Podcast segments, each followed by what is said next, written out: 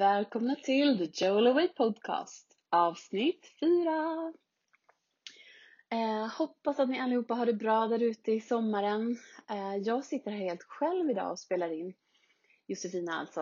Eh, det känns jätteovant. Vi brukar ju alltid spela in allt tillsammans. Men idag så var det jag som fick äran att presentera dagens gäst. Och det är verkligen en jättestor ära tycker vi.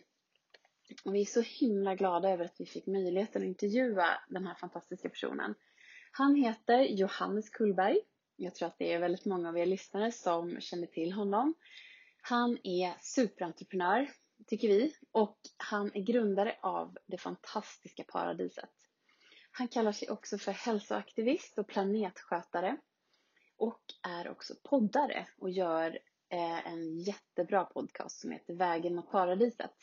Och det kommer vi prata en hel del om i avsnittet. Eh, det är en podd som, ja men för alla er som är intresserade av hälsa och hållbarhet, så jag misstänker att det är ganska många av er som lyssnar på oss som också redan lyssnar på honom eller kommer direkt gå och hoppa in och lyssna på hans podd nu efter det här avsnittet. Eh, vi fick då äran att träffa Johannes lite tidigare i somras. Det är inte så jättemånga veckor sedan, ett litet tag sedan. Vi sågs ute hos mig på Lidingö och hade ett jättelångt och väldigt öppenhjärtigt samtal.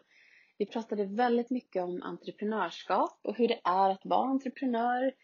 Eh, och Johannes, ni kommer märka att han är, han är helt fantastisk. Han delar med sig av så otroligt mycket från sitt eget liv och från sina erfarenheter om sig själv. Eh, och han ger oss också en hel del tips. Så Ja, det var otroligt spännande att prata med honom. Han, eh, vi pratar också en hel del såklart om vad som kommer hända med paradiset och paradiset 2.0 som eh, han kallar det. Och vi, ja, vi pratar om så himla mycket egentligen. Vi pratar typ om livet. Vi pratar om hälsa och vi, ja, det, det, det är brett helt enkelt. Eh, och jag lovar att ni inte vill missa en enda sekund för det här blev ett riktigt härligt samtal. Eh, och jag, därför då, det här avsnittet är väldigt långt så jag ska verkligen inte vara långrandig här nu. Utan jag säger bara varsågoda. Här kommer Johannes Kullberg. Enjoy!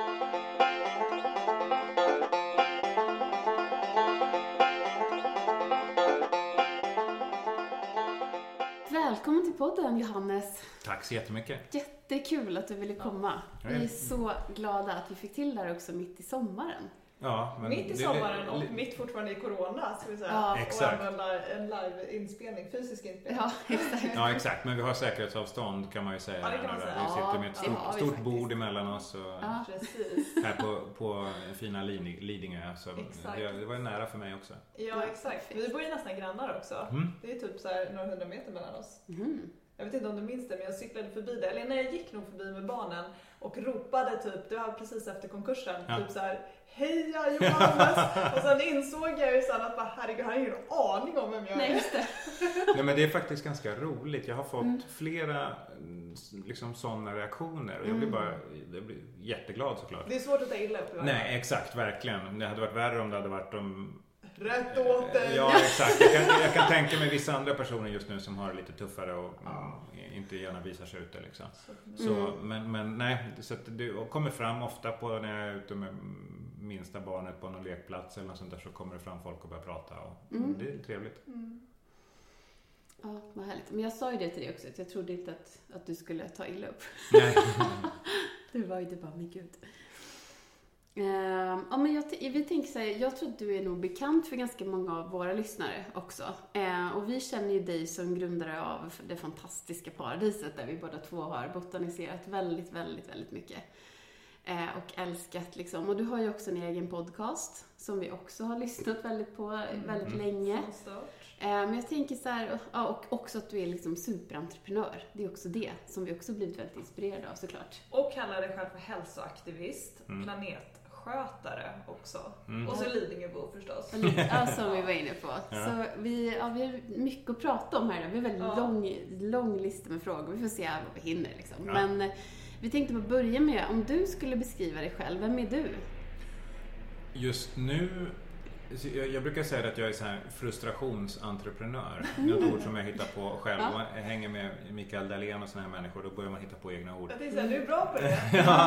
ja. Um, och, så, så, jag är en sån här som går och tänker väldigt mycket. Jag är mycket i mitt eget huvud. Jag älskar att vara med människor men jag behöver också ha ganska mycket tid för mig själv. Och tycker det är kul att lösa problem. Så när eh, mitt, mitt första bolag Proactive Health Partner som jag startade 2009 Det var ju för psykisk ohälsa och då hade jag varit VD för ett börsbolag som heter Feelgood som eh, jobbade med, med eh, företagshälsovård och sjukskrivningar och sånt. Men jag tyckte de gjorde det så dåligt. Mm. Eh, eller, jag tyckte man kunde göra det bättre ska jag säga istället. Eh, och, och, då tror jag såklart att jag alltid kan göra det bättre. Eh, så att man måste ju vara liksom så här, ödmjukhet är inte min, min starka sida. Eh, var inte då, börja bli bättre. Och sen försöker jag ge mig på saker och ting. Men ofta då så går jag ju runt i mitt eget huvud och så är det, tittar jag på den senaste forskningen, senaste grejerna som finns. Och sen hamnar jag någonstans som är kanske fem år fram i tiden Mm. Så blev det med, med eh, Proactive. Så vi skapade en, en digital företagshälsovård som var otroligt bra och eh, evidensbaserad, liksom avancerad beteendeförändringsforskning i botten. Och 2014 när jag bestämde mig för att nej, men nu måste jag göra paradiset. Eh, då började mm, liksom Proactive var helt rätt i tiden. För då hade liksom mm. tiden kommit ikapp mm. bolaget. Det, utvecklades bra det bolaget så det var inget konstigt. Finns det kvar idag? Ja, det köptes av ett försäkringsbolag. Ah, ja, såklart. Så, så, ja, eh, så, så, det var väl en liksom okej okay modell. Eh, men jag var mer intresserad då av att jobba Kunderna där var HR personer på stora företag. Det är så långa beslutsprocesser, det tar sån mm. tid och det pallar inte jag. Så där började jag längta tillbaks till dagligvaruvärlden som jag var, byggde upp Lidl en gång i tiden i Norge. Och, och där ser man varje dag hur du har presterat. Du, det, liksom siffrorna syns hela tiden mm. Mm. och så kan du skruva och göra om, göra bättre och, och du får feedbacken direkt. Alltså instant gratification ja. och motsatsen också förstås. Ja, absolut. Så att, mm när det går dåligt så får du det där i ansiktet varje morgon när du vaknar. Mm. Eh, och det är inte skitkul. Och jag kan tänka mig att på ett tyskt bolag så får du det ännu lite direktare. Skojar du? Där är det, mm. på, på Lidl var det ju så här jag är egentligen ingen statistik och, och sifferälskare på det sättet men jag är ganska snabb på menar, om det är det jag måste göra, då får jag väl lära mig. Så jag lärde mig alltid vissa nyckeltal och sen när Tyskland ringde, vilket de gjorde rätt ofta, så frågar de alltid, då ska du kunna allting i huvudet. Och det är ganska mycket, du ska liksom bara mm. svara blixtsnabbt.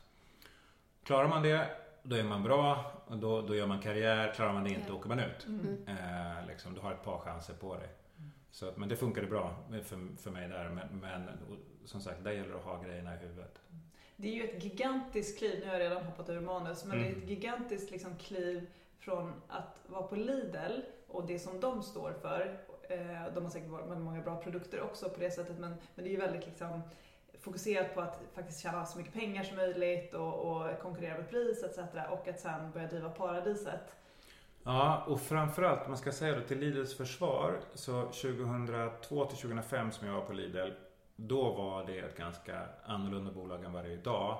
Då var det bara pengar, absolut. Men man gjorde det väldigt bra också. Man är helt, helt eh, fokuserad på att kvaliteten ska vara topp utifrån det priset man betalar. Så det, de är väldigt seriösa, eh, var det då och är det nu.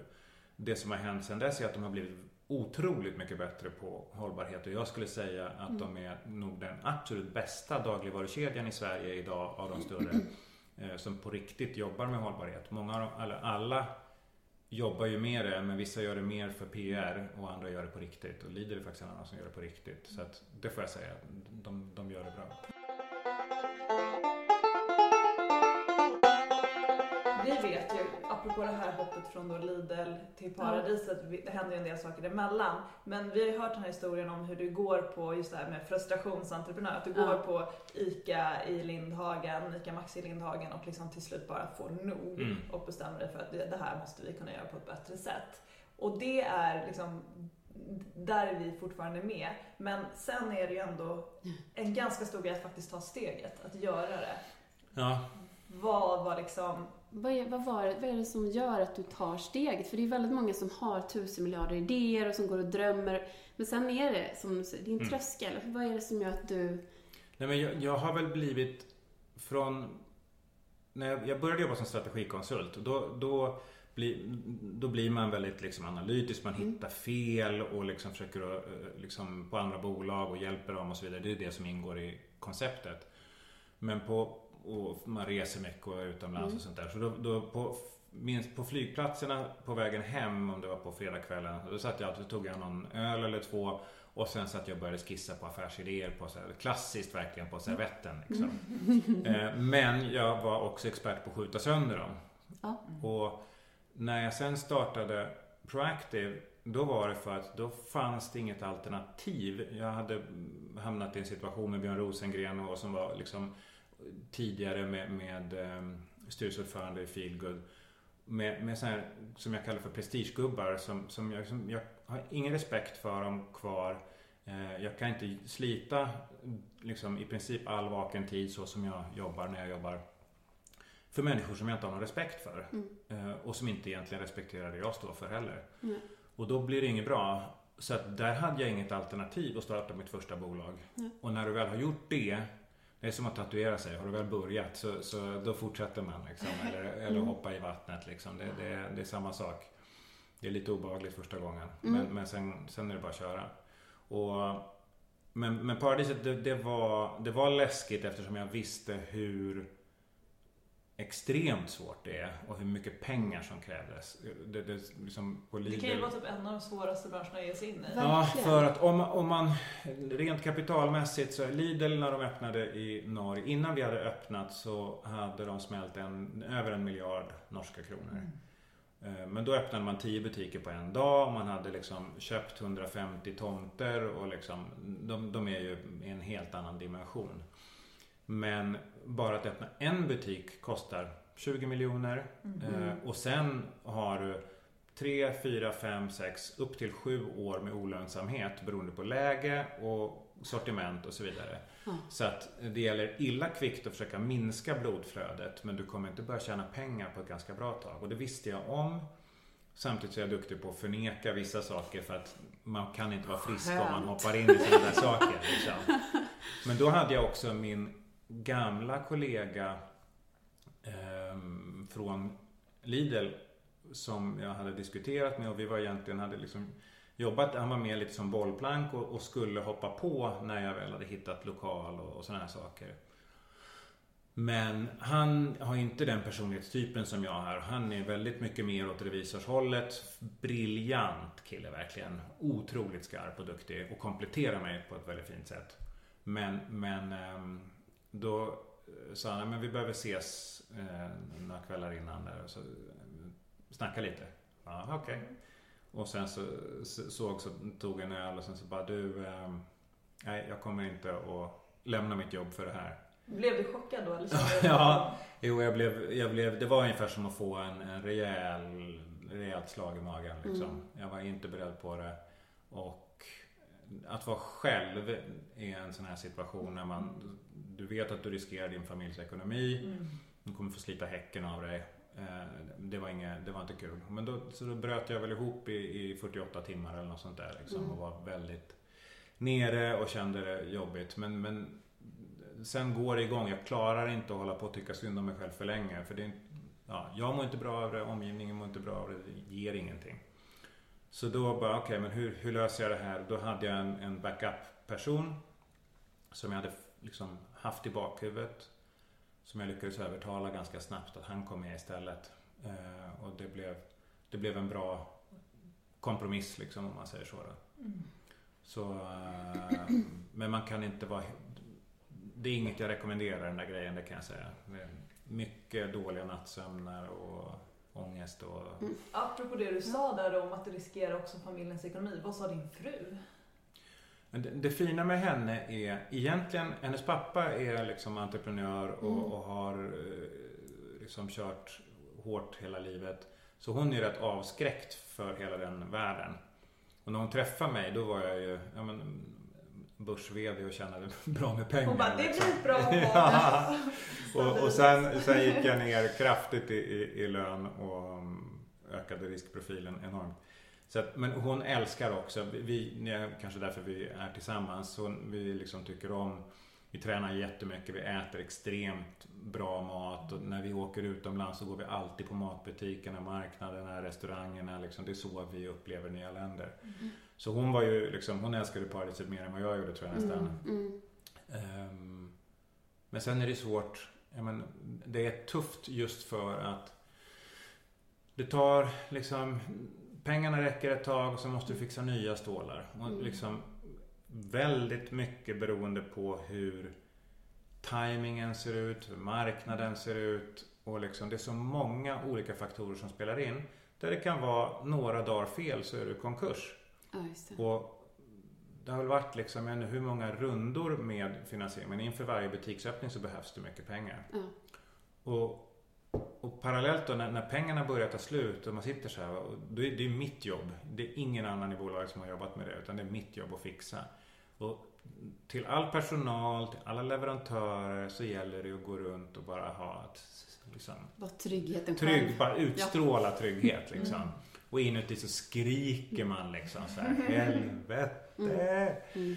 Um, och hemma hos din fru och din familj, kan ja. du, behöver du hålla den där liksom filbunken? Ja, rätt mycket. Rätt ja. mycket så. För att är det någonting som hon lider av så är det den osäkra ekonomin. Liksom. Mm. Mm. Några gånger så har jag liksom beklagat mig men det blir så då kan jag lika gärna liksom, det blir så mycket ångest hemma så att det hjälper ju inte, det blir bara värre. Ja, det det så det är bättre att hålla käft och, mm. och då har jag en kompis i London som jag kan prata med. Liksom. Mm. Man behöver ha sina sådana där personer som man kan prata med. Någon där man får släppa man ut det. För man liksom. måste ju ja. få släppa ut det någonstans. Ja. Då är det bra att få göra det hos ja. så dedicated people. Exakt. Ja. Utan det klarar man sig inte. Nej, men ja. faktiskt. Jag håller med dig. Men jag, jag, tänker så mycket på det här med, för det du pratar om är att du går och ja, men inhämtar kapital helt enkelt från externa investerare. Och för dig kanske, för det, det tänker jag, det är, det är, så många som vill starta nytt. Det låter som att man går ut och plockar. Det är så här, ja. här hämtar jag lite kapital här. Ja, och det är väldigt många som gör så. Men vi, jag, vi är båda jurister i grunden och har jobbat väldigt mycket med startups och jag har alltid varit så imponerad av alla som mm.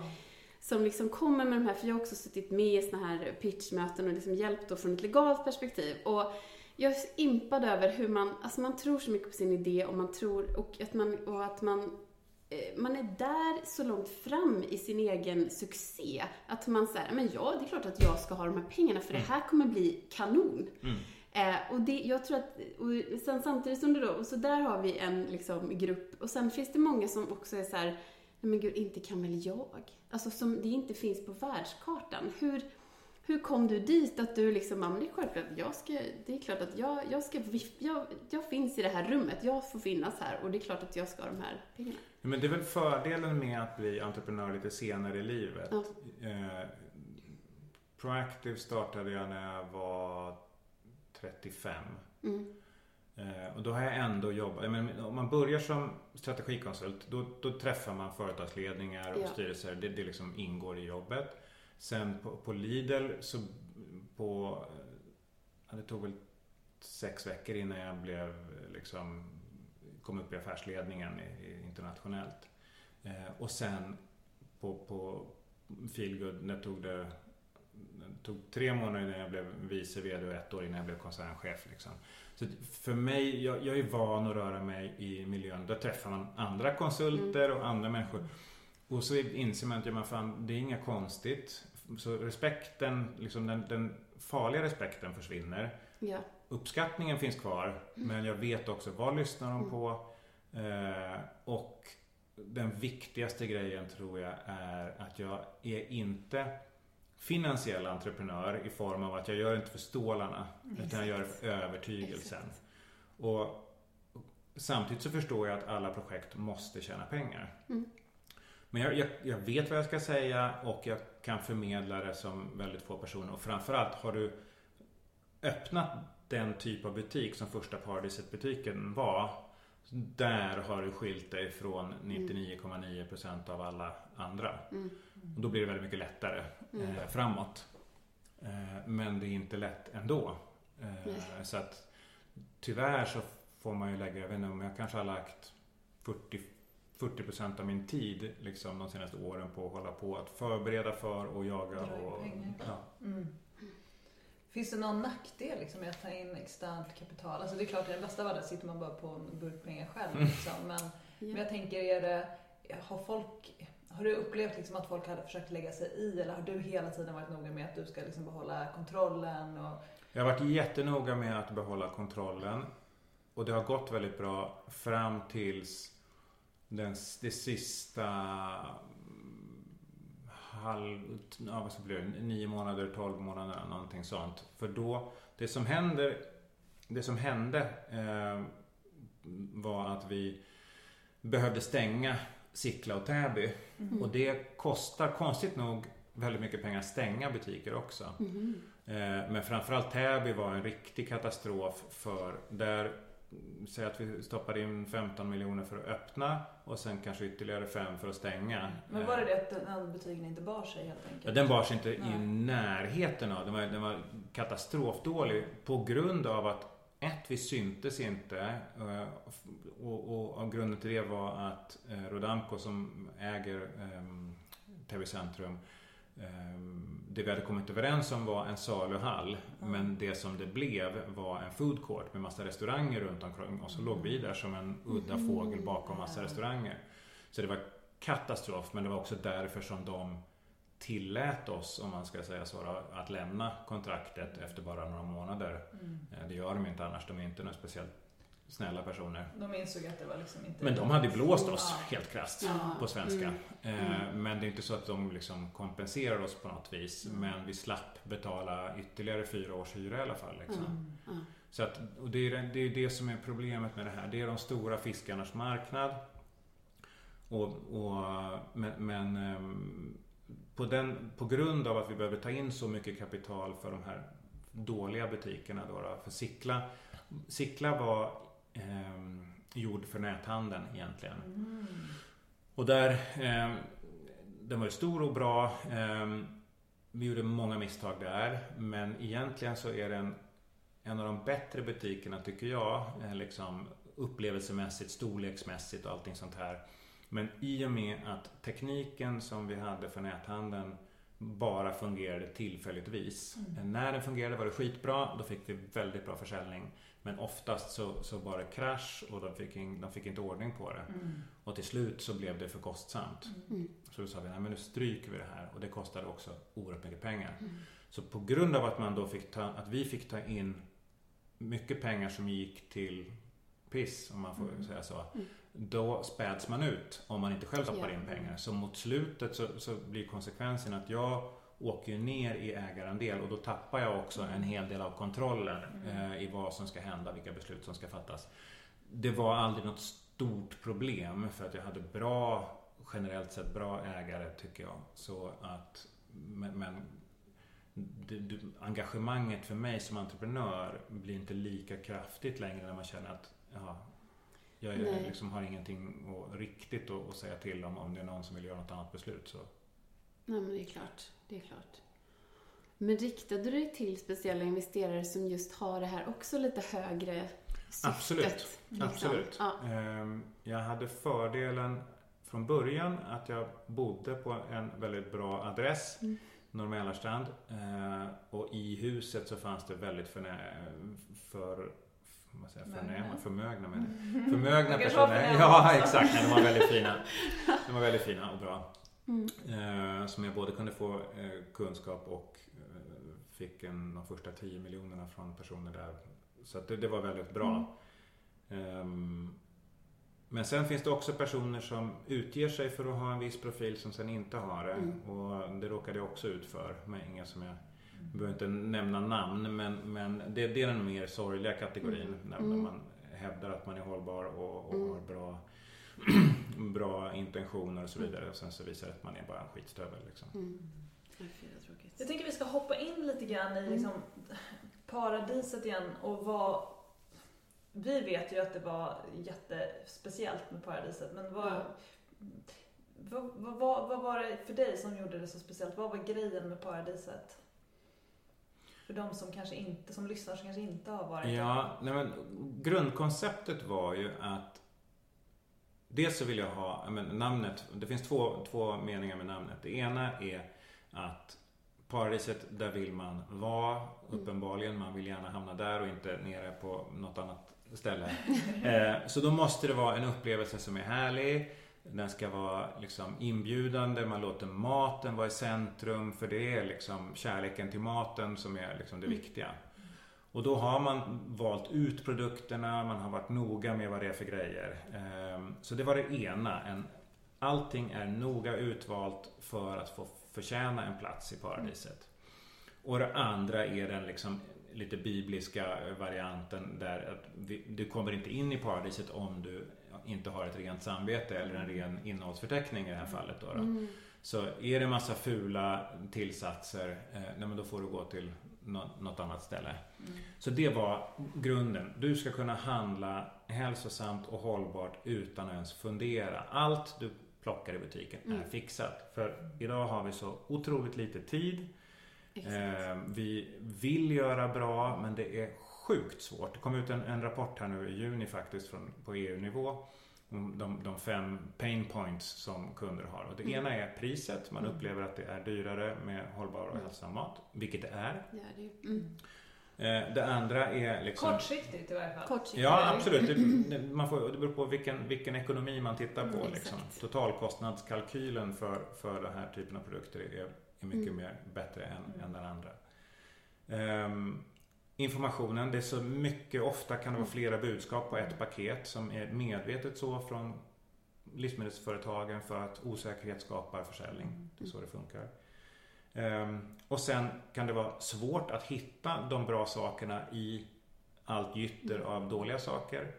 Och sen är det tillgängligheten i form av att men, det kanske, min butik säljer inte det här utan jag måste ta mig någon annanstans. Mm. Och allt det här sammantaget gör ju att man behöver fundera över det.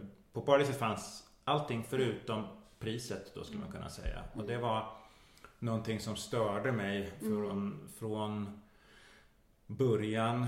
För min grundläggande affärsmodell såg inte ut så här. Utan då var det en stor butik och sen näthandel och små pickup points. Jag ville ha containrar vid eh, infartsvägarna till, Mm. till stan.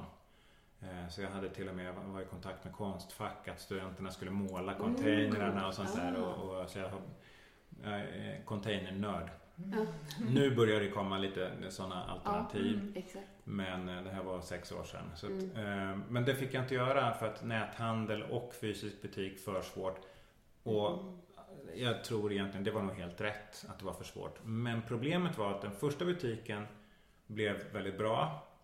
Och där fastnade vi nog i den klassiska dagligvarutänket. Jag släppte min gamla modell med näthandeln och, och gör en bra butik. Och sen så bara, men fasen vi, vi behöver volym så då sätter vi upp flera stora butiker. Och in hindsight så här i eh, efterhand så skulle jag ha stannat, fokat på den butiken och bara byggt på lönsamhet. Mm. Det hade kostat mycket pengar det också och tagit tid men genom att man hela tiden går till nästa projekt, nästa projekt, nästa Mm. projekt så städar man inte upp bakom sig och de problemen försvinner aldrig. Men man kan hoppas det, men det gör de Mm, inte. nej. Utan det blir bara, det är som en sån här skyskrapa som när det börjar blåsa, ju högre upp du kommer ju, ju, ju mer svänger det. Mm. Och um, därför när vi sen stängde de två dåliga butikerna då blev det väldigt bra för då kunde vi fokusera på NK och Söder och båda fixade vi till, till lönsamhet. Mm. Och sen kom Corona. Och sen kom corona. Ja. Ja. Och nu, nu Ja. finns det ju inga paradisbutiker att handla på. Nej. Så nu är vi liksom förpassade till ja, men Ica och Coop och Willys och Lidl Mm. och vad det är.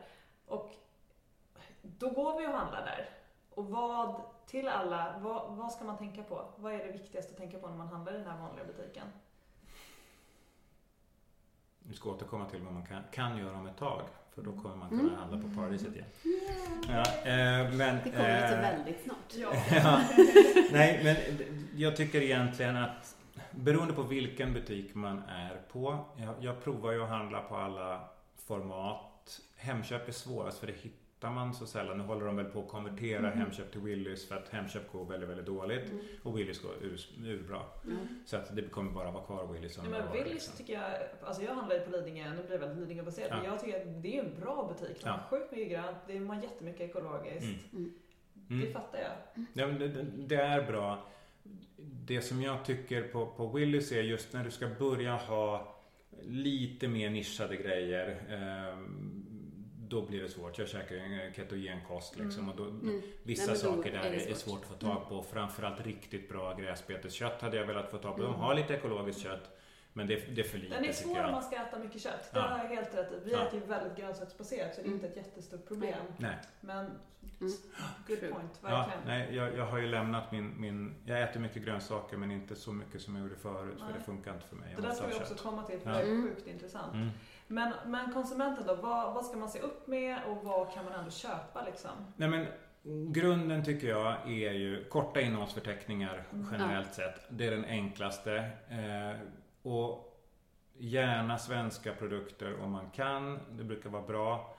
När det gäller frukt och grönt så, så är det liksom, det är jättesvårt. Mm. Ska jag välja ett svenskt äpple eller ska jag välja som är konventionellt eller ska jag välja ett ekologiskt från Italien? Mm. Och, och, jag brukar välja det svenska äpplet där och vara noga med att tvätta mm. om det är så. Mm. Eh, beroende på, nu, vi hade ju relationer med våra gårdar så vi visste att det var jättebra mm. eh, även om det För det är en sån grej som kanske inte alla också känner till att det finns ju otroligt många, jag menar din pappa är ett bra exempel på som precis fick sin krav Han har ju blivit kravcertifierad nu. Mm. Men det finns ju otroligt många gårdar som inte har råd med den här processen att mm. få de här märkningarna men som ändå har utmärkta ekologiska produkter. Yes. Ja. yes. Och det, det, är det här. Det går inte för konsumenten att veta det. Nej. Om inte butiken talar om det tydligt mm. och, och, så vidare. Men, men det är väldigt få som hinner, bryr sig, mm. kan. De saknar incitament att ja. göra det helt ja. enkelt. Mm. Så, men korta innehållsförteckningar, svenska och sen så lite process, alltså så lite mm. bearbetade, köpa så nära råvara som möjligt. Mm. Om man har möjligheten att laga mat själv. Um, för det är så mycket dolda saker som kommer med i mm. de färdigprocessade maträtterna. Det är allt från väldigt mycket socker och mycket liksom, färgämnen, konsistensmedel mm. och så vidare. Och så vidare mm. Som ja, man inte vill ha i sig. Och små konstiga kryddor som gör att du vill bara äta mer. Absolut. Mm. Exakt så. Mm. Ja.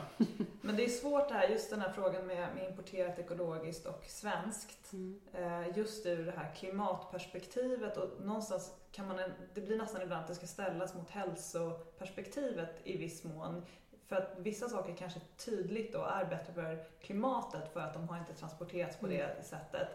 Och frågan är hur ohälsosamma är då de besprutade? Hur skadliga för miljön är precis den här typen av... Det här är också någonting som är, det är väldigt komplexa frågor. Mm. Men jag tycker ju generellt sett så är transportproblematiken mycket mindre än besprutningsproblematiken. Mm. För är det någon transportform som är väldigt effektiv så är det transporten av livsmedel. Mm. Um, det, är otroligt. Det, det, är, den klimatpåverkan är väldigt låg. Mm.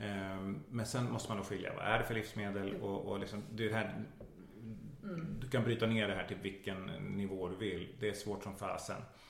Uh, men däremot om man ser på, om man tar jordgubbarna nu till exempel som är aktuella i säsongen.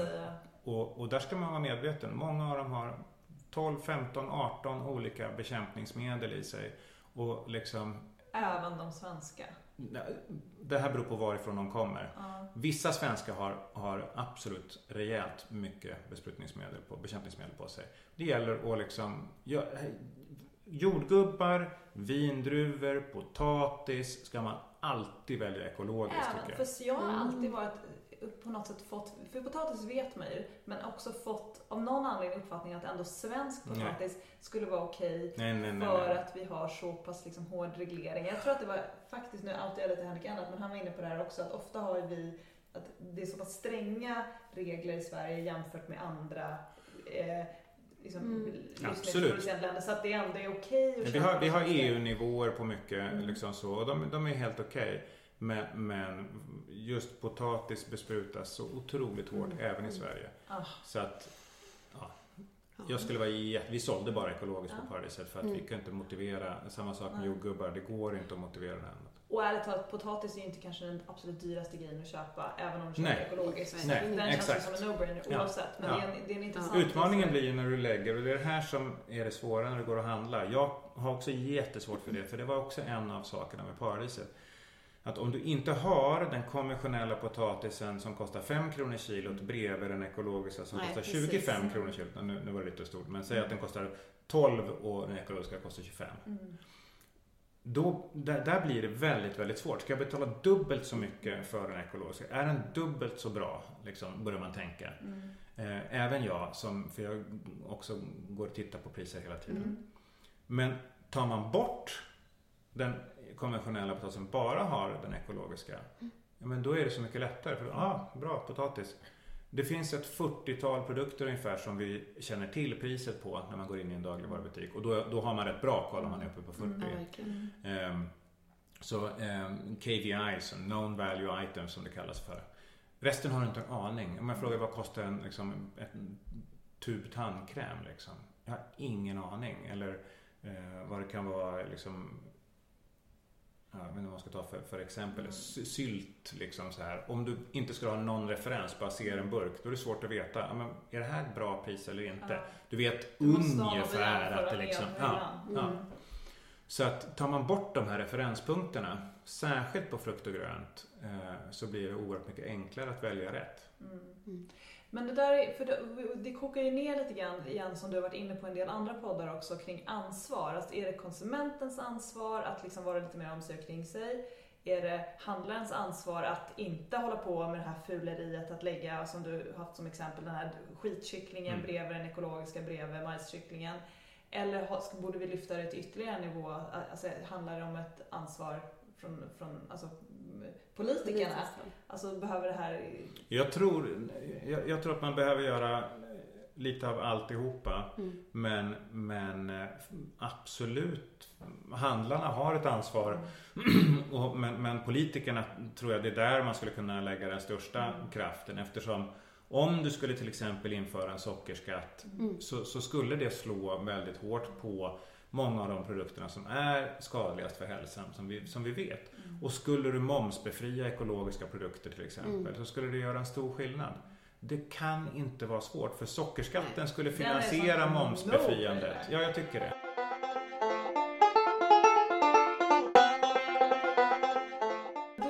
Du startade ju någonting som verkligen stack ut i den här, mm. eh, verkligen en udda fågel. Upplevde du då att du blev utsatt för väldigt mycket ska man säga, tryck, eller påtryckningar och lobbyister. Alltså jag tänker just på sockerskatten så, så verkar det som att politikerna inte vågar ta det klivet för att man har sådana hårda påtryckningar från livsmedelsindustrin som är så beroende av att kunna trycka in socker mm. i sina produkter. Kände du? Nej, jag har inte blivit angripen på något vis där. Jag har heller inte riktigt pushat den agendan ut i media och jobbat med det så. Det kan mycket väl hända att jag kommer att göra det snart mm. för nu börjar jag bli väldigt irriterad på det där. Mm. Jag pratade med, om, äh, med Annie Lööf om det. Och, men ja, det, det kan snart vara dags att verkligen ta tag i det. Och då kommer jag nog bli angripen. Det skulle inte förvåna mig. Men bring it on. Det är så jag jobbar. Så det är inga problem.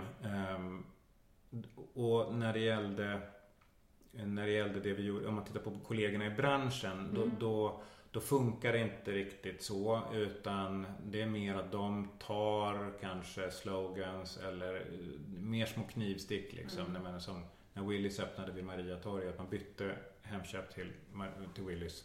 Då, då plåstrade de upp i hela, eller vad heter plaster, de målade upp hela tunnelbaneuppgången ett, ett paradis för mat, eh, billig mat liksom typ eller något sånt där. Som gamla eh, jurister så blir man ju direkt lite såhär, det gränsar lite till de Ja, jo men det är verkligen, verkligen så. Och, och Ja, men då orkade jag inte. Jag blev, blev bara så besviken på att en mm. stor aktör beter sig så illa. Mm. Eh, så att, men det är mer att då kommer jag Sen säger det ju någonting också om liksom, den genomslagskraften som ja. hade och betydelsen om ja. man ska vända på det. Ja, verkligen. Men, och då tänker jag lite att vi kanske ska komma in på, för det du sa förut, på, nej, men på grund av Corona just ju, att liksom, det var då det liksom, ja men då föll det ju tyvärr. Mm.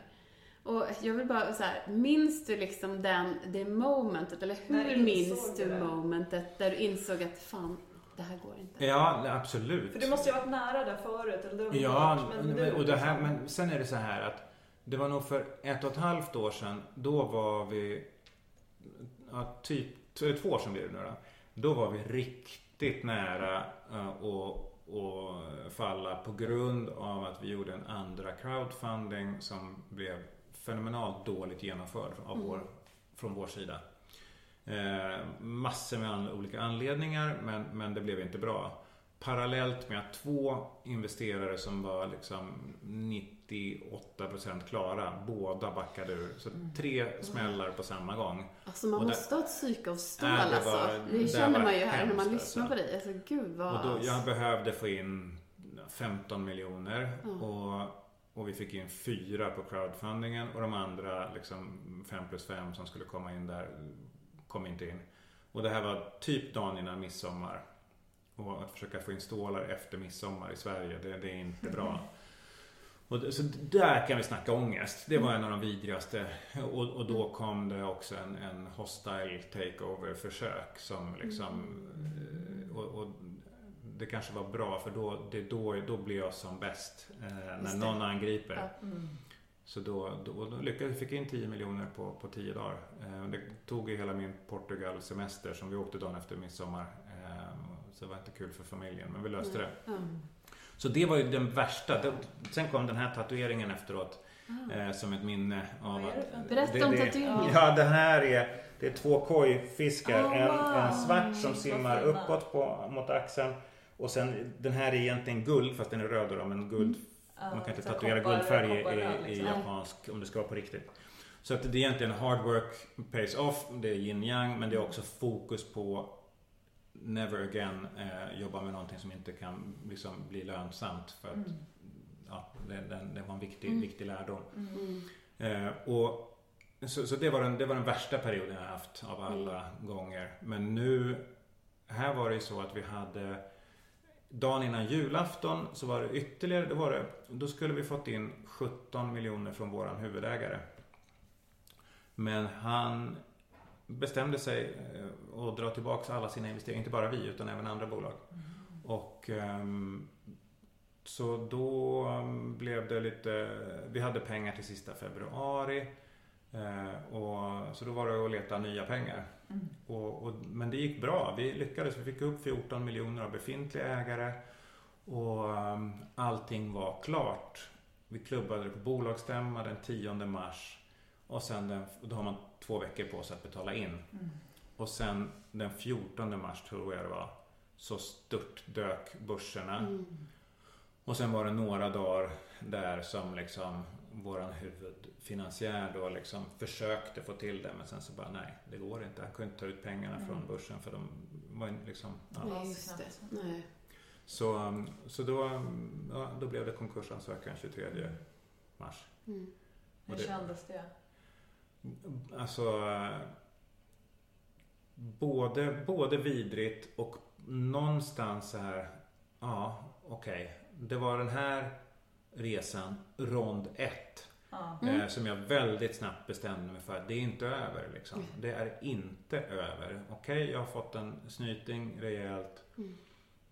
Och liksom, men det finns alltid möjligheter i motgångar. Det, det, och, och, det har jag liksom tränat mig på mm. som, sen jag var liten och som, ja. som entreprenör. Och liksom, det, tänker du problem, då blir det problem. Mm. Punkt. Mm. Tänker du lösning så kommer du hitta lösningar. Mm. Och, och, då liksom drog processen igång där. Och jag fick jättemycket stöd på sociala medier av alla våra fantastiska följare och fans. Mm. Det, var, det var det som jag var mest orolig för. Att de kommer, vi hade 6000 delägare. Många väldigt små men ändå. Och att de skulle känna att vi hade failat dem och liksom att vi hade svikit dem liksom så. Det var jag väldigt, väldigt orolig över. Eftersom det enda vi har lagt, jag, jag har lagt all vaken tid liksom på det här de senaste 5-6 åren. Men, men, responsen där var fantastisk och det gör ju också att man känner så här, men kan ju inte lägga ner nu liksom. Det går inte utan nu ska vi ta det här next level. Eh, så det är det som jag har gjort sedan 23 mars. Ja, exakt. Liksom. Ja. Så, ja. Jag blir lite rörd. Ja, jag med. men vi var många som som sagt med tårar läste ja. det här meddelandet som kom ut just på Instagram. Och minns den dagen ja. liksom till och med. Jag, jag grät hela vägen från butiken när jag var mm. på, jag var på Söder och bara kände, fan. Mm. Jag kan inte ens prata om det. det nej, nej det, jag förstår verkligen det. Fy. Mm. Men det, då tänker jag på det här citatet som mm. jag tror att det var, ja men det var i någon av poddarna som du sa som jag tycker också är så himla klockrent att eh, mm. Ja men precis, att har man inte misslyckats så har man inte vågat. Och det är verkligen, alltså, men snacka om att vända på steken. Mm. Så här, det, inte ens att det att man inte ska knäckas av sina misslyckanden utan bara säga okej okay, men då har vi gjort, då har jag liksom checkat den boxen. Ja. Eh, nu har vi dragit nu har vi konkat det här bolaget, men vad är nästa grej? Ja. Det är liksom ingenting som man någonsin ska behöva men det ska inte vara någonting negativt att ha gått igenom. Nej, det är ju så att konkurs, liksom när man börjar som företagare, tänker det är det värsta som kan hända mm. och det är pinsamt och skämmigt och allting. Mm. Man framförallt har många framgångsrika vänner och här på Lidingö liksom så är det liksom så. Men jag kände rätt snabbt, jag, jag åkte hem så googlade jag positive thinking. Mm. Och, eh, och eh, där är ju amerikaner är ju otroligt ja, mycket bättre på sånt där. Ja. Och jag känner, jag är väldigt mycket amerikansk mm. i mitt huvud liksom och har den attityden liksom att allt är möjligt, mm. det är du som bestämmer. Mm. Och då, då var det många av de här liksom helt underbara citaten plus också det här med att du är inte riktig entreprenör om du inte har konkursat någon Nej. gång. Liksom, för, för det är då du lär dig på riktigt. det ju lite i USA. Ja. Så det är ju liksom inget konstigt. Nej. Det är så här, då, då, då går det bra för dig. Du har liksom drivit något och gjort något. Ja. Liksom. Och jag tror tack vare, om man säger då pandemin här, så är det visst så många mm. som har drabbats. Oh ja. Om du inte har gått i konkurs så har du i alla fall förstått mm. att shit, även jag som har en framgångsrik business mm påverkas kraftigt av det här. Och man får en väldig ödmjukhet och respekt mm. för vad det innebär att satsa sitt, uh, sitt, sin, hela sin ekonomi i, i mm. någonting, vilket många gör.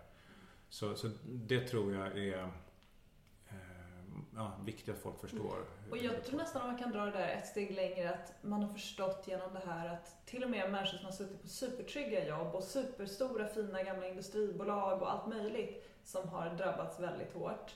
Att det kanske till och med gör att man vågar ännu mer satsa på en ny dröm eller någonting för man inser hur skört hela systemet är. exakt. Även de som liksom går i den här trygghetszonen inser att oj, nu var den borta i varje fall. Mm. Och då kanske man lika gärna kan våga satsa på det man verkligen vill göra. Det man verkligen vill göra. Nej, och det tror jag är helt rätt. Så det är en ganska cool effekt ändå. Jag har ett till citat som jag ändå måste slänga in här. Mm. Som min yogaguru alltid brukar säga. Hon bara, it's this or better. Ja. Och det är så här, det är så skönt. Vi alltid ja. tänker på, men this, okej okay, nu blev det inte som jag tänkt mig. Det var this. Or better, bra. Men då blir det då kommer det, nästa grej bli bättre. Ja. Det är också skönt. Ja men det är viktigt att ha sådana där små mm. ord att hänga upp sig på liksom. Eller ja. Mantran nästan.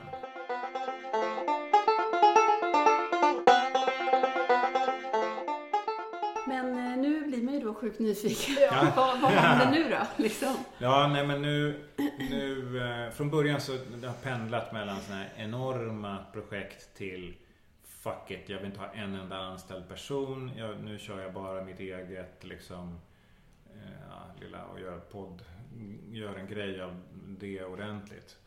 Till att komma någonstans liksom i, i, i mitten. Och grunden de, de här fem problempunkterna som jag pratade om, de har funnits med hela tiden. Och, eh, det finns en viktig faktor om man vill nå förändring och det är att det måste kunna nå brett och då är mm. priset viktigt. Mm. Eh, så den, det som jag insåg också är ju att men, på grund av pandemin, det kommer att komma flera pandemier, det är liksom helt säkert. Vi håller på att ställa om hur vi handlar. Mat på nätet har liksom utvecklats mer på, på tre veckor än vad vi gjorde på de kommande tre mm. åren som det var planerat. Mm. Eh, så vi flyttar till nätet. Och, eh, men vi gör det Paradiset Style. Eh, det här blir för, för folket, eh, liksom av folket för folket.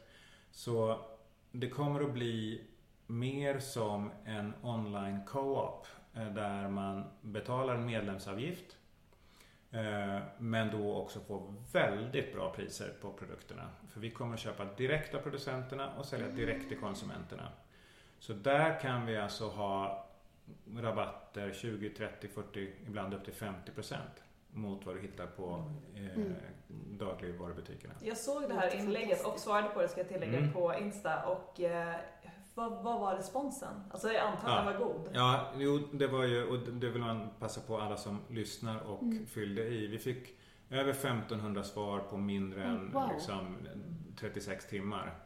Eh, och, och, det är också typiskt Paradiset fans. De är mm. så fantastiska liksom. Det har varit flera Dedicated. gånger jag frågat. Ja. Mm. Och responsen var överväldigande. Jag tror mm. det till slut blev 87% av de som svarade som sa att de skulle eh, vilja ha en, en sån här eh, lösning. Eh, och ungefär hälften av dem var dessutom villiga att stoppa in pengarna innan vi ens hade en lösning. Mm. Vilket ju bara är helt insane. Det kommer vi inte efterfråga men ändå. Så eh, den här eh, konceptet har jag jobbat på då sen, sen ja, hela, hela perioden. Jag har min eh, bästa vän och, och liksom högerhand Joe Kennedy som är tio år på Whole Foods och han är helt mm. magisk. Så vi, vi liksom är som ler och långhand. Eh, så han är med. Och sen har vi hittat ett par stycken personer till som är helt outstanding. Um, och det här har vi presenterat för Sting, Stockholm Innovation and Growth, som är ett av de absolut finaste inkubatorverksamheterna i, världen. De rankas som topp 15 i världen. Och de valde att satsa på oss, så att vi skrev kontrakt igår. Nej, ja, grattis! Så det är jätteroligt.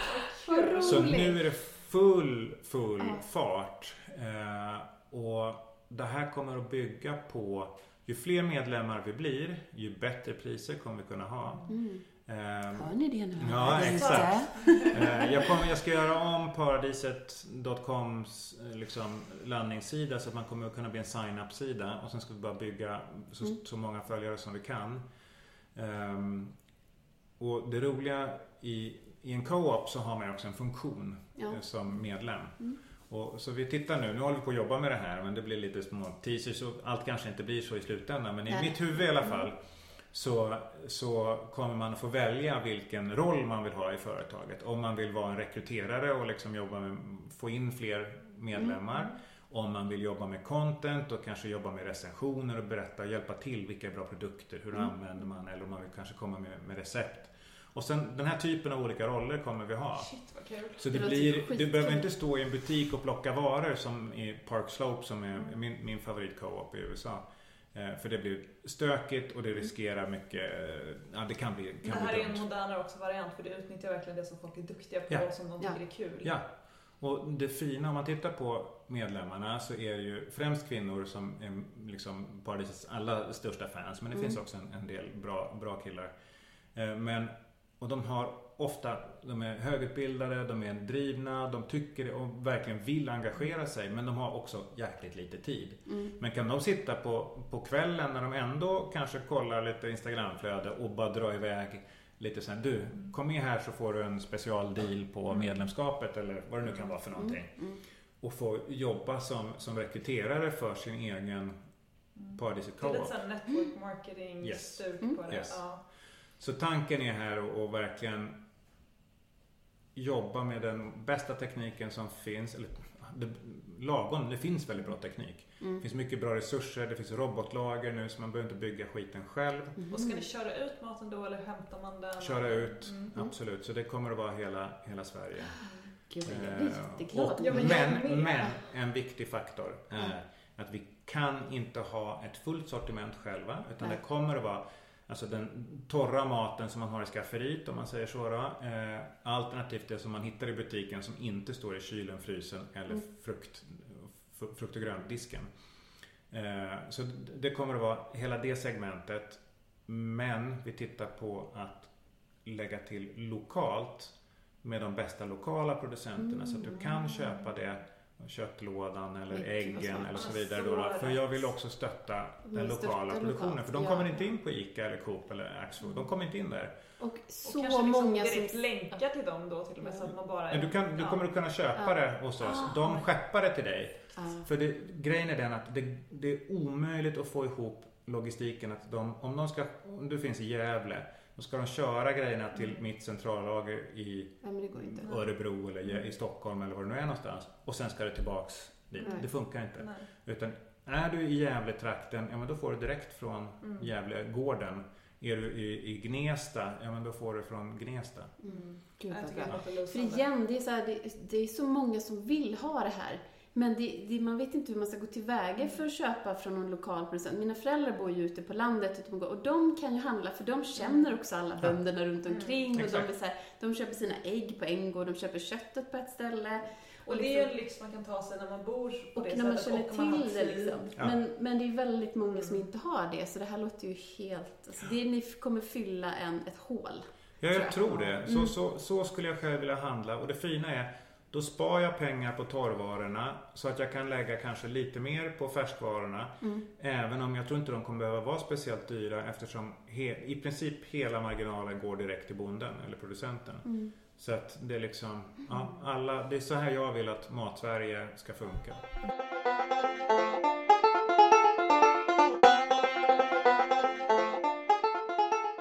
Tänker att om du skulle kunna berätta lite om din podd också. För Mm. du gör ju inte bara det här då, utan du har ju Nej. lite andra grejer för dig. Du poddar ju. Ja, men jag, är, jag, har- jag vet inte vilka, vilka, hur många diagnoser jag har men, men eh, Och det är inte en vilken podd som helst. Det är ju en riktigt bra podd skulle vi säga. Ja, tackar. Eh. Vägen mot paradiset som den heter, den, den startade jag ju faktiskt i februari-mars för eh, ett och ett halvt år sedan. Då, då. Mm. Och fick jättemycket motstånd från dåvarande styrelsen och ägarna eh, att jag skulle göra det här för att det var ju så Jaha. vansinnigt slöseri med min tid, tyckte de. Men eh, det vände ganska snabbt eh, när de såg också dels responsen och, och sen hörde vad, vad det är och vad det är för typ av gäster. Mm. Men, men det bygger egentligen på att jag är kroniskt nyfiken. Mm. Det, här är min, det här är det roligaste jag vet, det Mm. viktigaste och jag vill lära mig mer och Mm. då måste man prata med de bästa. Exakt. Det går inte annars. Eh, och liksom det svåra är att det tar tid att hålla på och jaga för det här det är ju inte så att de är det, det är många som vill prata med dem. Mm. Så, nej, så nu har jag gjort det i ett och ett halvt år. Och det har varit nog det roligaste liksom, sidoprojektet eller projektet överhuvudtaget att göra för fantastiska Mm, människor man får träffa. Nu får jag komma hit också, det är Mm. helt underbart. Ehm, så det har varit helt suveränt. Nu börjar jag fundera på om det är dags att antingen ska jag växla till engelska Ja. så att jag kommer ut, för det finns också väldigt många spännande personer som jag vill prata med. Oh, Eller ja. så kommer jag byta format helt och hållet. Mm. Så att jag, jag står och... Du står och väger lite. Ja, jag står och väger Mm. lite. Jag tror att jag kommer att liksom pausa svenska delen i alla fall nu då, Okej. så får vi se. Mm. Eh, För det tar också jättemycket tid. Ja, Att göra bra research, det vet ni. Och, Klipper och du liksom- själv eller har, det har du? Nej, det har du Eh, Jag klipper i princip ingenting. Nej. Så att, ehm, men jag har haft, eh, jag har en, en kille som hjälper mig med att bara lägga på intromusiken musiken, mm. och liksom Och honom hade du från början, eller? Ja, jag har haft, Viktor har jag haft från, från första början. Eh, en helt underbar Mm. eh, person, Viktor Ganguli. Och, och nu jobbar jag med Dobb som är också fantastiska. Den, som, de gör massa fotbollsprogram och sånt där. Eh, men Axel som, som sitter på Dobb hjälper mig med det. Nu, nu har jag dragit ner så mycket för att jag har ingen budget och liksom, så att i princip gör jag allting själv. Mm. Eh, där, det är bara de här grejerna. Mm. Och med dagens program så går det faktiskt att göra ganska mycket men det är bara att det tar tid. Det tar jättemycket. Oh, yes. Ja. Det har vi ju fått. Det var något vi märkte när vi började. Ja. Men nu börjar man, kommer ju också in i det. Ja. Man lär sig de här, det är ganska kul. Jag, Ja. jag fattar ju hur, att man vill bli så här musikproducent och allt sånt nu Ja. efter att jag börjat sitta Sitter och pilla. lirar och Alltså det är så kul så man, ja, Ja. Ja. väldigt kul. Men ett, vi tänkte också, för att en del, alltså en del av det som du gör med din podd, det är att du sprider också väldigt mycket av bra information kring hälsa, hållbarhet och liksom alternativ till klassiska sjukvårdsalternativ till liksom de befintliga systemen. Och sen har du ett avsnitt som jag, jag då har fallit för totalt. Jag tror att det är det senaste med Thomas eh, Björkman. Mm. Ja, herregud. Ja. ja, det är helt så, så, så bra. Men vi, vi, det kan vi Mm. komma till. Mm. Men, och, där, och du pratar ju om att du är lite grann av en hälsoaktivist. Mm. Och Ehm, biohacker. Ja. och biohacker. Kan du berätta lite om det liksom och hur du... Nej men det är också att från... Jag började ju med liksom, intresse för träning och sånt. Det började kanske med 14-15. All- Alltid varit lång och smal och liksom, så att man försöker lägga på sig lite muskler och Det är man- så sånt roligt där. hur alla de här hälsointressena börjar nästan alltid när man är typ tonåring med kroppen Ja. yttre. man vill se Killarna vill så bulka och Ja. vi tjejer vi har typ klassiskt, nu generaliserar jag, Ja. men det är så här, åh, hur blir man smal? Ja, Mm. Och sen så inser man att så här, nivåt liksom, exakt. Nej, men Vänta nu, vart börjar hälsan? Det kanske Ja. Ja, här inne. exakt. Nej, så att, ehm, men det, i och med de, de, liksom från 30 plus liksom så. Jag, jag fortsatte, jag har tränat jättemycket. Jag var ju liksom, jag har sagt det många gånger, jag var vidbränd men inte utbränd. Så jag har Mm. verkligen känt på hur det är att, att må dåligt. Och prioritera bort träning, prioritera bort sömn för att kunna jobba ytterligare några timmar Ja, på ja. dygnet. Liksom. Men nu så är det ju så här att jag, ehm, jag mäter min sömn varje dag. Jag har en sån här Aura-ring som jag liksom, Mm. jobbar med. Då får jag hela min sömn nedbrutet i olika faser och Vänta nu, får jag bara kvalitet. fråga. Är det, alltså det är ringen ja? Ja, det är ringen. Så Så, i liksom. ringen så sitter det då dels en, en termometer och dels har du ljussensorer som då kollar så att jag ser min, min puls. Ehm, Jag har min aktivitet eh, så att jag får alla liksom viktiga värden på, eh, Mm. uppdaterat i en sjukt snygg app. Det är finnar som har tagit fram den gamla Nokia. Den är snygg Ja, också är måste jag säga. Jag Mm. men är ni gifta? Nej? Jo, vi är Men du gifta. har i den istället för vigselring? Ja, för att jag knäckte det fing, ringfingret med... Jag, jag står på händer också mycket och håller på med Ja. dumheter. Och innan jag blev eh, liksom lite bättre på det än vad- jag var då så gjorde jag det på sån här brädgolv Mm. och sen så då fastnade fingret mellan brädorna och sen så eh, typ ramlade jag och så hade det knäck. Två gånger gjorde jag det. Mm. Och det var inte så bra. Dum som man är så gör man om det också. Jag måste testa en gång till Ja, bara. exakt. Nej, så, så, så det gör jag och sen så mäter jag, eller sen så eh, experimenterar jag med kost jättemycket. Så Mm. jag började med lågkolhydratkost kanske 2008, 2009 och körde det ganska mycket. Sen gick jag över till paleo, paleolitisk kost, stenålderskost. Ehm, och sen har jag, eh, det hö- höll jag på med ganska länge och sen blev det mer vegetariskt. Ju mer med paradiset så blev det mer och mer vegetariskt verkligen. Mm. Till i princip veganskt skulle man kunna Mm. säga. Ehm, och sen nu då mm, Särskilt under våren så bara min energi Det var ju extremt mycket stress naturligtvis också. Mm. Gud ja. Men jag bara kände att min, hela min liksom jag, jag, har, jag är fighter, jag är kampsportare och har otroligt mycket liksom, driv och energi Mm. och aggressivitet i mig. Eh, som jag kan kanalisera så att jag jobbar mycket och effektivt. Men om jag inte får utlopp för det så går jag runt och blir liksom ganska odräglig. Men vad jag märkte var att under våren så bara försvann allt det här. Jag bara är runt som en någon Mhm. mellanmjölks eh, icke-värld liksom. Jag tror att mitt, mina testosteronvärden var kass om liksom. Ja, nej, men det har jag gjort. Men Mm. in, nu i våras gjorde jag inte, jag behövde. Jag har, har, har, det det. det här var så Mm. tydligt liksom. Ja. Så då bestämde jag bara, nej nu, nu räcker det. Också när jag höll på att researcha eh, om, om ketogenkost med Martina Johansson som Mm. också är väldigt duktig på hormoner. Mm. Så bara, nej nu, nu ställer jag om. Och det tog mindre än en vecka eftersom jag också har ätit så pass rent och, och liksom ganska Mm. lite kolhydrater ändå. Så men jag tryckte på fettet och sen mycket animaliskt, Mm. animaliska proteiner. Då köper jag ju gräs, ekologiskt gräsbeteskött, liksom, Mm. punkt. Ehm, så det går inte på Willys. Men, ehm, och så bara liksom, det var, det var som att, Det var en sån effekt. Ja, och bara att jag kan liksom jag har sagt det den senaste, men man kan gå igenom väggar liksom. Mm. På gymmet bara eh, så här. Liksom. Alltså det där är så intressant för att det här har vi pratat så mycket om just nu för att jag eh, har jag ska inte säga att jag gjort en liknande grej men snarliken då att jag gick över mer och mer till eh, vegetabiliskt, alltså väldigt plant-based och det känns jättefräscht och man mår bra och det känns liksom, ja men det känns fräscht Mm. bara.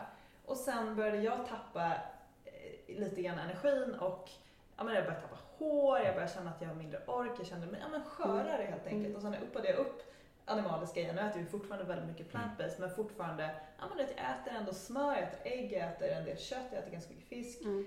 Och där är vi så olika, Mm. att, att det är också så individuellt hur man liksom, eh, hur responsen blir Ja. i kroppen. Men just som du känner den där liksom, rrrm på energinivån, att det är så, att det Men är så också, också så här, mm, Mentalt. mental klarhet. Eh, För att gå på ketoner istället för glukos Mm. är, är oerhört mycket Men effektivare. den, för visst har du också kört lite och fortfarande kör periodisk fasta. Ja, nej, men för där får du ju absolut. samma, du kan ju komma få in ungefär samma effekter, den märker vi också. Mm. Och det är att du har en enorm energi de här, under de här fasta liksom, perioderna och Ja. framförallt då månader och sånt där man liksom man Nej, men, känns och, och, och, och det är det, jag gör ju kombinationen nu då, så att jag har ju både ketogenkost och att jag kör ett ätfönster mellan Ja, idag började vi spela in 12 men annars brukar jag äta vid 12 och sen så äter jag sista målet vid 6, halv 7. Mm. Liksom. Och i, tidigare var det lite, behövde jag stoppa i mig något precis innan klockan 8. Jag körde 12 till 8 Mm. liksom, sån här 16-8. Men, men nu pff, Det räcker för inte. att du äter så pass... Så, eh, otroligt mycket energi Ja. i, i den feta maten. Mm. Och jag jobbar ju då med, mycket med kokosfett, eller, alltså kokosmjölk, kokosgrädde. Eh, så att man kan köra plant-based också. Mm. Eh, Har du läst den här uh, Ketotarian tror jag den heter? Det är han Will Cole, Will Cole, vad heter han? han som, det är alltså en, en han keto-diet fast som är plant-based. aha, Och nej. sen så är det väl lite ägg typ. Ja. Men det är ju liksom, det är keto fast utan köttet. Ja. Mm. Ehm, Nej, det har jag inte gjort. Det måste jag, det måste jag kolla. Det måste jag kolla. Apropå Men- just det här att använda mycket av det fettet fast Yes. det vegetabiliska fettet. Men sen tror jag inte på en vegansk kost. Nej. Alltså, vi är inte skapta för det. Jag, jag jobbar mycket med evolutionsbaserad forskning. Och bara senast igår satt jag och snackade med, med några av de som är bäst i Sverige på det här. De får liksom, jobbar med funktionsmedicin. Eh, så, så många av klienterna som kommer har kört en strikt vegansk kost under en period och får problem.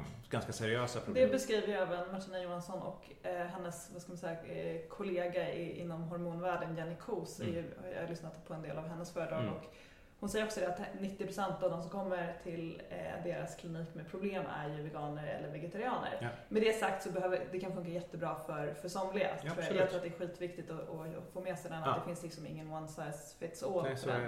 Men, Men- man ska vara noggrann med att lyssna på sin kropp. Ja, Mm. och det jag också eh, min, men, som hänger ihop med den frågan är då, när du har gått över och jobbar mer med det här animaliska, eh, även om du då är noga med att äta naturbeteskött Mm. Mm. och liksom kravmärkt och hela den biten, kan du se att det är hållbart liksom globalt om alla skulle gå över och äta den typen av kost? Kan vi försörja en planet som äter den typen av Det beror, på, nej, men det beror på hur man äter. Hur, hur ofta och hur mycket man äter. För, Mm. liksom, för det första. Ehm, och jag tror, jag tror inte dieten kanske är till för alla. Men det som vore spännande är att se. För det första så glömmer man ofta bort att vi behöver betesdjur för att hålla öppna Mm. landskap och biologisk mångfald. Finns ett fantastiskt TED-talk om desertification, alltså att Mm. öken sprider sig på grund av att man har tagit bort betesdjuren.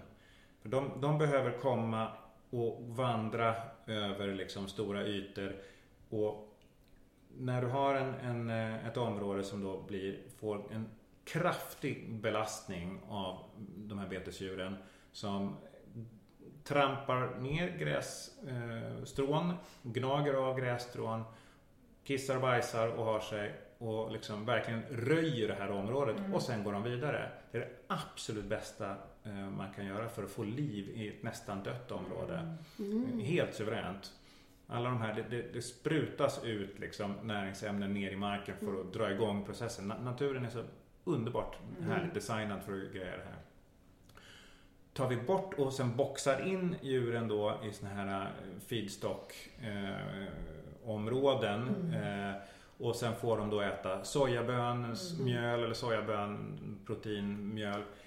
Ehm, och gör det här industriellt som vi är så fenomenalt duktiga på människor. Att mm. försöka göra en, en liksom effektiv process som, och så pumpa skiten full med antibiotika mm. och allt det här. Då blir det uselt. Mm. Så vad jag tror är att om vi skulle kunna byta ut det konventionella köttet mot ekologiskt gräsbeteskött. Mm. Eh, så skulle eh, jag tror att det finns väldigt stor kapacitet att jobba med det om man tittar på vilka enorma landytor som finns. Mm. Jag tror det skulle vara väldigt bra eh, att göra det på många områden där det idag inte används. Kan det räcka till hela befolkningen? Nej, det tror jag inte. Behövs det? Nej. Man kan också då jobba med helt andra typer av, av protein tillskott. Du kan äta extremt mycket bra växtbaserat. Men du kan få genom att du låter djuren gracea, alltså vad heter det, käka på, på eh, så kan du också få en mycket bättre eh, odling av grönsaker. Mm, mm. Så att det, var en lite dålig, eh, inte riktigt samma, samma land där, men ändå Äta mindre men mycket bättre kött, det är grunden. Det, men det, är, liksom, det är vi liksom ja. helt överens om. Mm, mm. Det jag är lite inne och nosar på, och bara för att vara lite jobbig, det är just den här, liksom, blir det en, kan det bli en klassfråga av det? Kan det bli liksom en att vissa som har råd, möjlighet Hälsa är ju, det är en klassfråga, en enorm klassfråga. Och, och frågan är, kan man, alltså det är det här som vi var tillbaka till med politiken. Mm. Kan vi få politikerna att göra det mycket mer lönsamt för bönderna att jobba mm. med, med eh, liksom, eh, regenerativ odling generellt Precis. sett? Kan det vara mer lönsamt att ha gräsbeteskött där jag kan få mm, bli, kanske vara helt skattebefriad mm. som, som bonde och få fördelaktiga mm. lån. Eh, där istället om du jobbar med, med liksom det, det, nu mer moderna jordbruket med, med, med växtgifter och skit, då ska det, liksom, det ska bli olönsamt. Mm. Ja, för nu är det ju, för menar, min pappa som precis har blivit krav, Alltså det är det dyra alternativet. Exakt. Det är ju det som kostar, och det tycker jag känns så absurt, att det som kostar pengar, det är att få bli ekologisk ja. odlare. Mm. Ja. Medan gör du det på det andra sättet så är det mycket billigare. Du menar bara få certifieringen? Ja, det, du måste få gå igenom den processen, det kostar ju pengar. Ja. Och att göra, det är också en det är svårare och det är dyrare ja. produkter också mm. för, för Det är det här som är så bakvänt. Alla så som försöker helt, göra rätt så, straffas. Ja, så där skulle vi behöva skifta totalt och det går ju bara att göra på politisk nivå, ja. tänker jag. Alltså, ja. Då måste vi ju få Få, liksom, vi får lobba helt enkelt. Men alltså jag förstår fortfarande inte, och nu ska vi bara sitta och hålla med varandra, men hur, ja. hur det är möjligt att man från politiskt håll inte kan bara kasta, kasta om det här. Att man inte ser att, okej, okay, genom att se till att folk äter skit, så blir de sjuka. Det kostar, bara, om man struntar i hur folk mår, men bara rent ekonomiskt så måste man inse att det är dyrare att ha det långsiktigt på det sättet vi har det. Jag har fått en oerhört mycket större respekt för politiker genom att ha liksom pratat med ett par stycken nu. Eh, men också man, man blir frustrerad. Mm. Men jag tror ett par av de sakerna som är, försvårar det är ju att du har en väldigt stark också lobby och industri för de som tjänar pengar på att ha det som det är idag. Mm. Den ena faktorn. Det andra är att det tar det tar tid. Eh, tar tid. Och om du jobbar med mandatperioder på fyra år mm. eh, så hinner du inte. Du kan införa ett jäkligt kontroversiellt förslag men, men oftast kommer du då bli avsatt eller få sparken eller vad det nu är innan effekten av det kommer. Så det tror jag spelar roll också. Eh, och Ja, jag vet inte riktigt vad jag tror rädslan att göra de här, sticka ut hakan är för stor. Det är lättare mm. att hålla sig till de här lite mer klassiska frågorna. Det behövs ett, det skulle behövas lite mera sticka ut hakan parti i Stockholm. Mm. Eller i Stockholm, oh, yes. i Sverige. Ja. Ja. Ja, men vi, vi kommer ju lite in här, för nu har vi pratat en del om liksom att, det här med hälsa och eh, du, du säger ju också att du är planetskötare. Mm. och, eh, och jag tänker att vi, vi som sitter här, vi är ju alla egentligen överens om att vi skulle ju behöva ställa om totalt för att kunna alltså, nå de här, alltså, vi skulle behöva ha en helt, ja vi skulle behöva ändra hur vi lever. Mm. Och, och, det vi pratar om också är att, ja men var, var, hur kan vi då få politiker att förstå, hur kan, varför tar det så lång tid? Samtidigt så ser vi ju hur en pandemi kan få oss alla att ändra beteende så här. Mm. Exakt. Och det känner jag är så och lite vilken effekt det fick. Mm. Ja, och det känns som att det kan vara lite hoppfullt. Där ser man att ja, men vi är villiga att göra förändringar. Och vi måste bara tro på, vi måste bara förstå. Ja, eller så här, är vi ens villiga att göra förändringar? Eller det går att göra förändringar när vi tvingas att göra förändringar. För jag tror inte det var någon som var villig att göra den förändringen som hände. Eller, som... Nej, men mm. kanske inte. Men liksom, jag accepterar Nej, men att, den. Att, att det går, ja. Och sen, men det andra faktumet som är ganska intressant det är ju att se att okej, okay, den nivå som vi då hamnade på i, på grund av, av pandemin den, den nivån är liksom där vi måste vara varje år ja. och öka om vi ska klara det här liksom. Mm. Så det, det, det, är ju inte så att det var någon, någon sån här extrem variant utan det är där vi måste vara. Mm. Och, men jag tror det var väldigt nyttigt för, för många personer och framförallt beslutsfattare att se att okej, okay, mm. det går att göra stora förändringar. Jag är ju lite mer um, jag, jag, tror tyvärr att det kommer behövas en mycket värre omgång. Eh, där troligtvis liksom en ganska stor andel av jordens befolkning kommer stryka med innan det kommer att bli eh, riktigt stora förändringar. Mm. Men det är lite som jag pratade med, med Thomas Björkman om mm. att någonstans måste vi i västvärlden inse enough is enough. Man kan bara ja. bli mätt. Ja. Och sen att Tänk då som, som, han är inne på, det tycker jag är fantastiskt. Tänk om vi skulle liksom, ja, men vi behöver bara jobba halvtid. Mm. Vi behöver inte tjäna x antal kronor utan det räcker med att vi klarar oss mm. och, och, resten jobbar man med att göra bra saker för mm. planeten. Tänk om alla som lever en bit över liksom vad man behöver göra skulle kunna lägga resten av, av sin tid, sin kapacitet, sin intelligens på att mm. bidra. Det vore coolt. Ja, det vore sjukt coolt.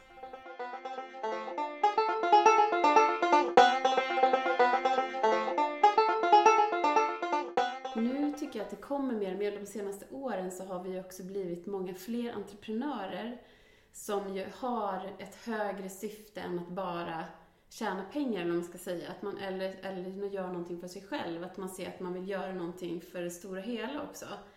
Eh, och jag, där tänker jag också, för du, du jobbar ju mycket, mycket på det liksom. Och har du, har du något tips till de som vill åka på just det här nya entreprenörståget, som vill göra, leva sin, leva sin dröm och samtidigt göra gott? Ja, ett ganska tråkigt tips men mm. ändå liksom extremt nödvändigt. Vad du än gör, se till att göra det så att du kan få lönsam verksamhet. Mm. För har du inte lönsamhet så kommer du, då är det inte hållbart. Då kommer du och bolaget kommer att dö eller stängas ner eller vad det nu är för någonting. Så grundläggande liksom ekonomin måste finnas där för det finns så, jag ser också så många fantastiska initiativ mm. men de har inte en chans att lyckas. De kommer att elda upp sina stålar. Och det var nog många som sa det. De tittade på mig också när jag startade liksom. så, så delvis får, får, får jag ge dem rätt med, beroende på vad jag sitter i för stol idag. Mm. Eh, men dels Antingen har man massor med pengar och då är det skitsamma. Ah, eh, eller så, så, är man som jag som bara liksom inte ger upp och, mm. och så. Men om man vill kunna liksom ha gör det här över lång tid och påverka då måste man försöka hitta en modell som man kan tjäna pengar på. Mm.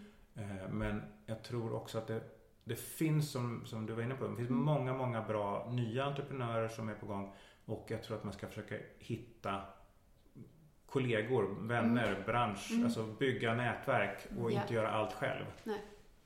För där, där finns, det finns en väldig potential i att vi vi har... Vi går samman mm. och eh, liksom slår våra kloka hjärnor ihop. Liksom. Det är lite som eh, Alexander Bard som jag ju eh, tycker väldigt bra om. Och jag kan rekommendera alla som nog studsar när jag säger så. Lyssna på Navid Modiris samtal med, Alexander i Hur kan jag-podden. Mm. Um, han är kontroversiell så det smäller om det men, men han har väldigt kloka tankar tycker jag generellt sett. Mm. Och där han pratar mycket om det här med digital tribes. Att vi har olika roller um, och hur man kan då i Burning Man i, mm. i USA och Europa bygga någonting från ingenting på kort tid genom att vi tar våra olika roller och fungerar så som vi gjorde för tiotusentals år sedan. Mm. Eh, det är så vi skapar. Mm.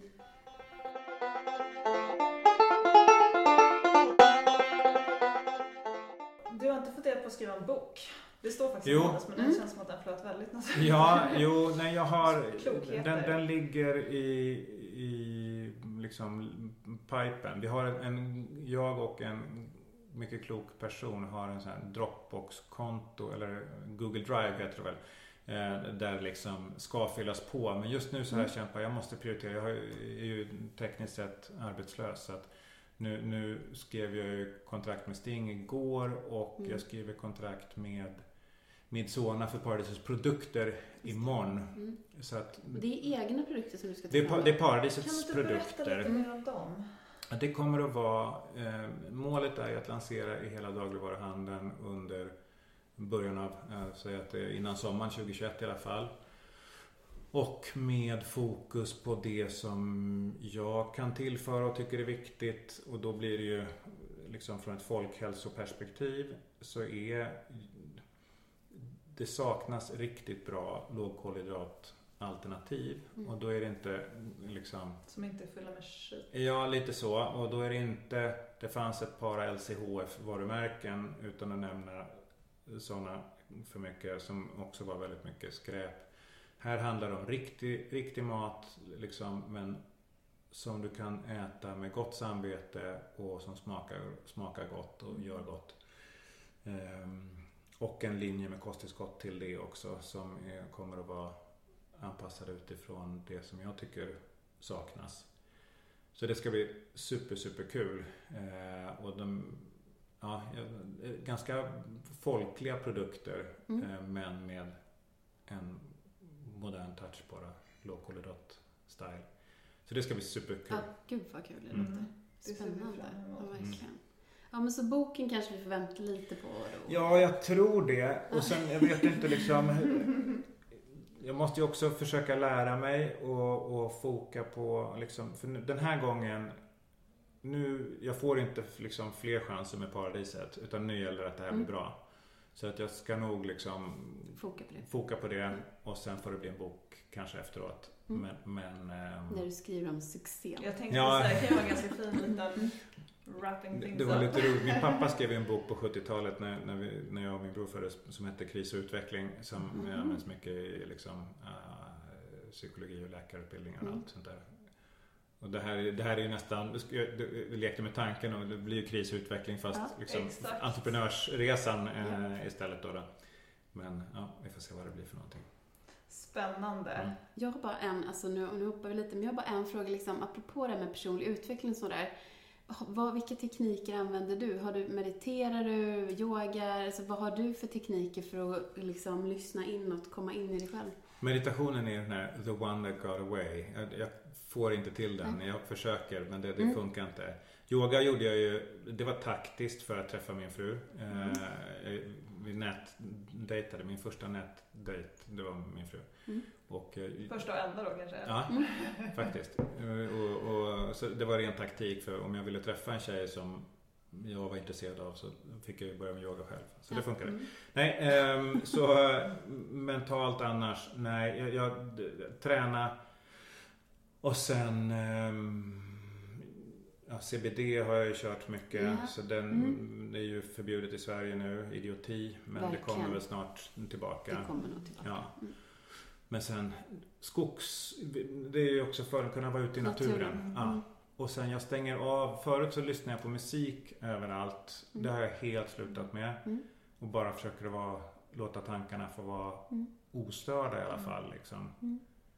Men nej, det är nog en mix men mycket att röra på sig. Cyklingen tar ju en dryg Mm. 35 minuter in till stan. Och, och 35 Lyssnar du på något när du cyklar då eller försöker Beror på. När, när jag ska ha, eller när jag ska ha poddar så är det ju väldigt effektivt att lyssna Mm. in mig. Researchen. Ja. Mm. Så det gör jag ofta när jag, när jag cyklar. Och att lyssna på podcast tycker jag går bra. För det är ett samtal. Mm. Musik däremot funkar inte längre. Så det är ju tecken kanske man får bli gammal också. Liksom. Det, det, jag kan inte ens köra bil med musik nu liksom. Utan det tycker jag bara stör. Ja.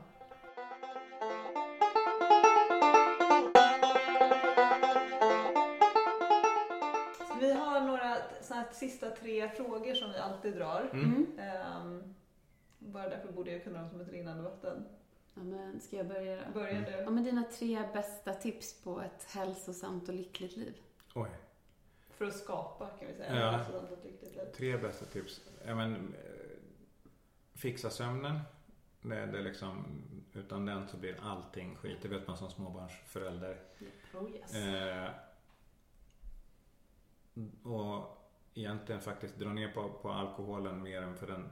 När du börjar mäta dina, dina sömnvanor så märker man hur även bara ett glas vin påverkar. Så välj, välj när du tar det.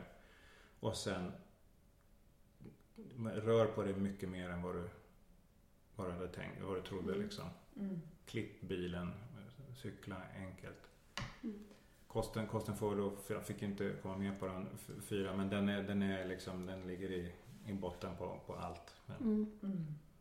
men Mm. utan sömnen så blir man ju en rätt vidrig person. Ja, men det är verkligen sant. Den hade du lite jox med kan jag gissa när du var, hade din, vad var det, vidbrändhet? Ja, fuff. Mm. Haft det, och, och sen tio år med småbarn och, och Mm. liksom nu har jag kattskrällen som går och väcker oss. Nu har jag precis det har vi installerat. med. Det har vi med. Och jamar, och, och, den här jamar och, som liksom en, Mm. en liten varg utanför fönstret liksom. Ja, så kan det vara. Ja, Mm. I know the feeling. Mm.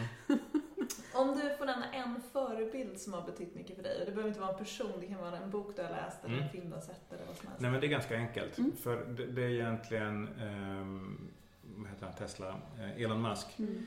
Och eh, han verkar vara en riktig skitstövel, liksom rent, alltså rätt odräglig att vara med tror jag. Han är nog autistisk och allt möjligt. Men snacka om att sätta höga mål Mm. och faktiskt göra det. Mm. Trots, om ni har läst hans självbiografi så liksom eh, ångest så att han liksom har skrikit på natten. Mm. Där, de, de har jag liksom Den här boken har jag läst när det var som värst. Plus en podcast som jag kan rekommendera som heter How I Built This med Guy Raz. Mhm. Det är den absolut bästa entreprenörspodcasten som finns. Där man kan få lyssna till alla de här entreprenörerna som, det börjar alltid med hur när, när citatet när de nästan failade eller liksom nästan gick i konkurs, eller gick i konkurs. Och sen hur de grejade det. Och det här, Mm. det har varit liksom räddat mina somrar. Gud, Gud vilket bra tips. Ja, Den har jag var- inte lyssnat Nej, på. inte jag heller. Den måste vi lyssna på. Ja, Nej. verkligen. Den ligger topp 20 av alla poddar i USA Mm. med ett sånt ämne och det, då förstår man att den är bra. Ja. Nu på senare tid har det inte kommit så många nya avsnitt och det är något så här, men, men de finns magiska avsnitt. Mm. Åh gud vad bra. Mm. Ja, men och sista grejen som vi har då, det är att vi lyssnar väldigt mycket på en poddkvinna från USA. Vi lyssnar mycket på amerikanska, hon är sig från Australien. österländsk. Men, eh, men hon, hon heter Melissa Ambrosini och hon brukar alltid fråga sina lyssnare som sista fråga så här, vad kan vi och våra lyssnare göra för dig? För vi tycker det är så himla viktigt, för vi älskar dina, ditt budskap och liksom allt det du står för. Så nu undrar vi vad vi kan göra för dig. Men det är också enkelt nu då. Om jag, om jag bara har, beroende på den här släpps, men det kommer att vara att, signa upp på paradiset.com Ja. eh, med sin lilla e-mailadress och det kanske blir namn och, och postnummer tror jag vi kommer att behöva. Mm. Och vara med och liksom spread the word för vi ska fasen visa att det går att göra bra, hållbar, hälsosam mat tillgänglig till bra priser. Det ska bara, det ska bara gå. Gud vilka fina slutord. Jag tänkte säga underbara slutord. Ja, helt fantastiskt. Tack så jättemycket. Det ska vi hjälpa dig med. Tack, härligt. Ja. Absolut. Tusen tack för att du kom. Tack vi så är mycket. så glada. Ja, Tack. jätte.